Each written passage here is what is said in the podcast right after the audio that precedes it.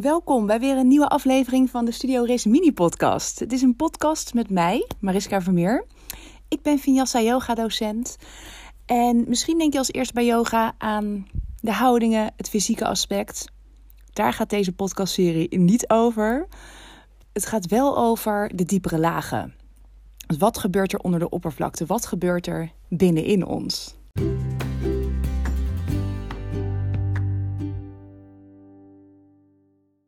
Hey, heel leuk dat je luistert naar deze mini-podcast. Vandaag gaan we het hebben over veroordelen. Over anderen veroordelen of jezelf veroordelen. En hoe doorbreek je dat, mocht je dat willen? en hoe verruim je je blik? Hoe houd je makkelijker een open mind? We veroordelen allemaal wel eens. Uh, dingen buiten jezelf, bijvoorbeeld andere mensen of andere situaties, of ook binnen jezelf. Dus jezelf, je eigen doen en laten of je gedrag, je emoties, je gedachten. En juist die laatste is ook wel heel interessant, omdat we die misschien niet heel vaak zien als iets veroordelen, omdat het immers over onszelf gaat. Weet je, wat maakt het uit? Als je jezelf veroordeelt of oordeelt over jezelf. Maar kijk maar eens hoe vaak je eigenlijk een oordeel hebt over iets wat je zelf doet, of over iets wat je voelt, uh, je gedachten, je gevoelens, dingen die je had moeten doen, maar niet hebt gedaan, of anders of beter had moeten doen. We doen het allemaal misschien meer dan we doorhebben. En ik moet zeggen dat ik het altijd lastig heb gevonden om dingen te veroordelen over situaties of over anderen. En ik weet nog goed dat vroeger werd ik daar regelmatig op aangesproken onder de noemer van je hebt geen mening. En dat maakte me best wel in de war, want ik had wel het gevoel dat ik een mening had, maar ik ja, ik had gewoon niet echt het gevoel dat ik overal de hele tijd van iets van moest vinden of dingen moest afkeuren of wat dan ook. En hoewel ik zeker heb moeten leren om eh, veel meer voor mijn eigen mening op te komen, zie ik het gebrek aan veroordelen nu juist echt als iets heel puurs en iets heel fijns. Je hoeft niet continu allerlei dingen ja, af te keuren of um, ja, eh, te labelen. En nogmaals, we veroordelen misschien wel vaker dan dat we doorhebben of dat, dat we denken.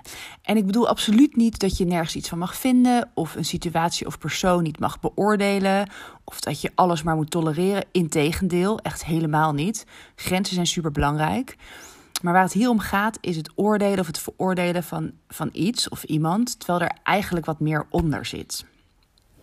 En minder oordelen naar anderen en naar jezelf kan echt lucht en vrijheid geven eigenlijk. En um, het gaat er ook niet om dat we nooit meer oordelen of nooit meer veroordelen.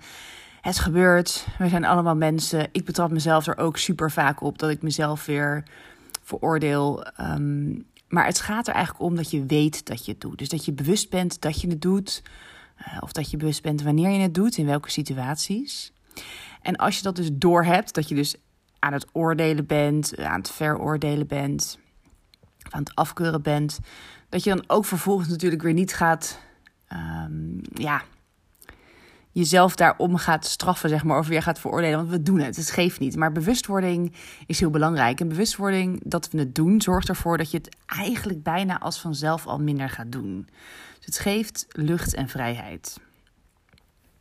Maar goed, stel je bent dus bewust dat je anderen of misschien jezelf veroordeelt, wat dan? Wat, wat, wat moet je dan doen? Of wat kan je dan doen? Nou, wat misschien kan helpen, wat bij mij helpt, uh, is dat om te bedenken eigenlijk dus dat je je bedenkt dat hoe jij dingen ziet, uh, heeft vaak te maken met je eigen ervaringen, ervaringen in het verleden. Dus vind je iets stom of vind je iets overdreven of raar of voel je dus bij, bij iets irritatie of, of ja, word je ongemakkelijk of boos, dan kan je dus bedenken dat dat misschien komt doordat het iets is dat je zelf niet kent. Of misschien gaat het in tegen wat jij hebt geleerd dat normaal is, of hoe iets hoort. Wat dat ook mag zijn. Maar dat betekent dus niet dat het ook per se zo is, of dat dat de enige manier is, of de juiste manier, of de normale manier. Um, je hebt het gewoon misschien nog nooit eerder vanuit een andere kant bekeken, of je hebt niet eerder ontdekt nou ja, dat dat hetgeen wat jij misschien raar vindt eigenlijk ook wel een optie is. En ja, we weten allemaal, onbekend maakt onbemind. dus wat doen we? Wees nieuwsgierig. Kijk om je heen, zet een andere bril op. Zet je eigen kennis en, uh, ja, of misschien wel je eigen overtuiging in een ander daglicht. Dus onderzoek je eigen uh, ja, uh, gevoel of gedachten of je patronen in het licht van je ervaringen. Je ervaringen uit het verleden. En ja, sta je open voor het aanpassen van jouw overtuigingen of voor het onderzoeken eigenlijk van je overtuigingen, je kennis of, of je gedachtenpatronen. En ja, als dat zo is, als je ervoor open staat om uh, nou ja, die te onderzoeken, hoe doe je dat dan? Nou, dat kan bijvoorbeeld door je oordeel eigenlijk op te schorten en in plaats, in plaats daarvan te zeggen: Hey, isn't that interesting? Dus hey, dat is interessant. En die zin, isn't that interesting, kun je, nou ja, misschien wel gebruiken als soort mantra. En eigenlijk een soort mantra om je, of hoe je het ook wil noemen hoor, je kan het heel anders noemen, het maakt niet uit, maar eh, een zin om je niet oordelend zelfbewustzijn aan te wakkeren. Nou, dat is misschien nogal mondvol, maar je niet oordelend zelfbewustzijn. Dus je bent je bewust van je gedrag of je gedachtegang. Um, maar je gaat het niet per se labelen of gelijk bekritiseren. Je gaat er geen oordeel over uitspreken. Of het gelijk afkeuren of wat dan ook. En door die zin te gebruiken stel je dus je oordeel uit. Waardoor je ruimte creëert om wat objectiever te kijken naar wat er gebeurt. Want nogmaals, onze percepties worden vaak gekleurd door onze eerdere ervaringen. We vinden iets leuk, we vinden iets niet leuk. Um, ja, we hebben sympathieën, antipathieën. Die worden gekleurd door eerdere ervaringen. Maar je kunt reflexen van oh leuk, oh niet leuk, oh raar of stom. Of die reflexen kun je doorgronden door je eerste, misschien wel je tweede, misschien wel je derde reactie op een situatie of een persoon of jezelf. Dus uit te stellen. En kijken wat daar nou onder ligt. Wat, wat gebeurt er? Wat, wat voel je of wat knelt er? Waar word je misschien geïrriteerd over? Wat, wat zit eronder?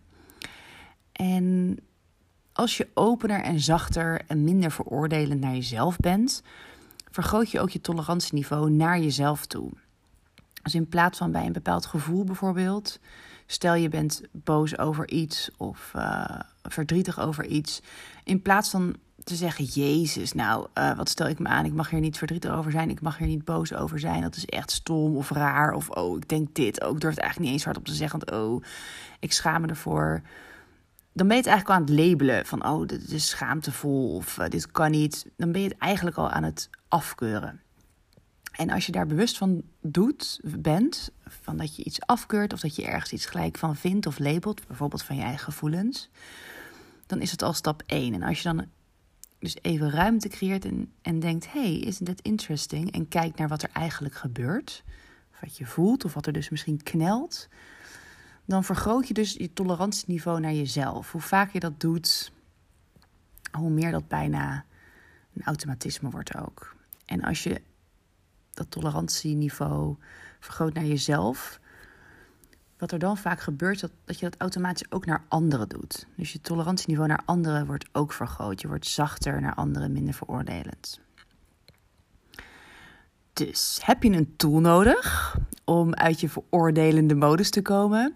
Naar jezelf toe of naar anderen toe, dat, dat maakt niet uit. Uh, misschien heb je het naar jezelf toe minder snel door, omdat je dat minder erg vindt. Maar ook dat kan, nou ja, toch wel een eye-opener zijn. Um, om daar eens naar te kijken. Heb je er dus een tool voor nodig om die veroordelende modus, um, ja, om daaruit te komen? Denk dan gewoon aan de zin: Hey, isn't that interesting? Het geeft je een frisse blik. Het geeft je de mogelijkheid om uh, eigenlijk te reageren vanuit andere perspectieven. En ja, als bonus kom je misschien wel tot hele heldere ontdekkingen um, over je gevoelens of over misschien bepaalde frustraties. Of misschien vind je van binnen wel een, ja, een bepaalde vrijheid terug die helemaal ondergesneeuwd was in de wereld van oordelen. Ik ben heel erg benieuwd. Ik hoop dat je um, nou ja, het leuk vond om naar deze podcast te luisteren. Dank je wel. En um, mocht je op de hoogte willen blijven uh, wanneer er podcasts uitkomen of columns of wat dan ook, dan kun je even naar www.yogastudioris.com gaan en je inschrijven voor de nieuwsbrief. Tot de volgende keer. Doeg!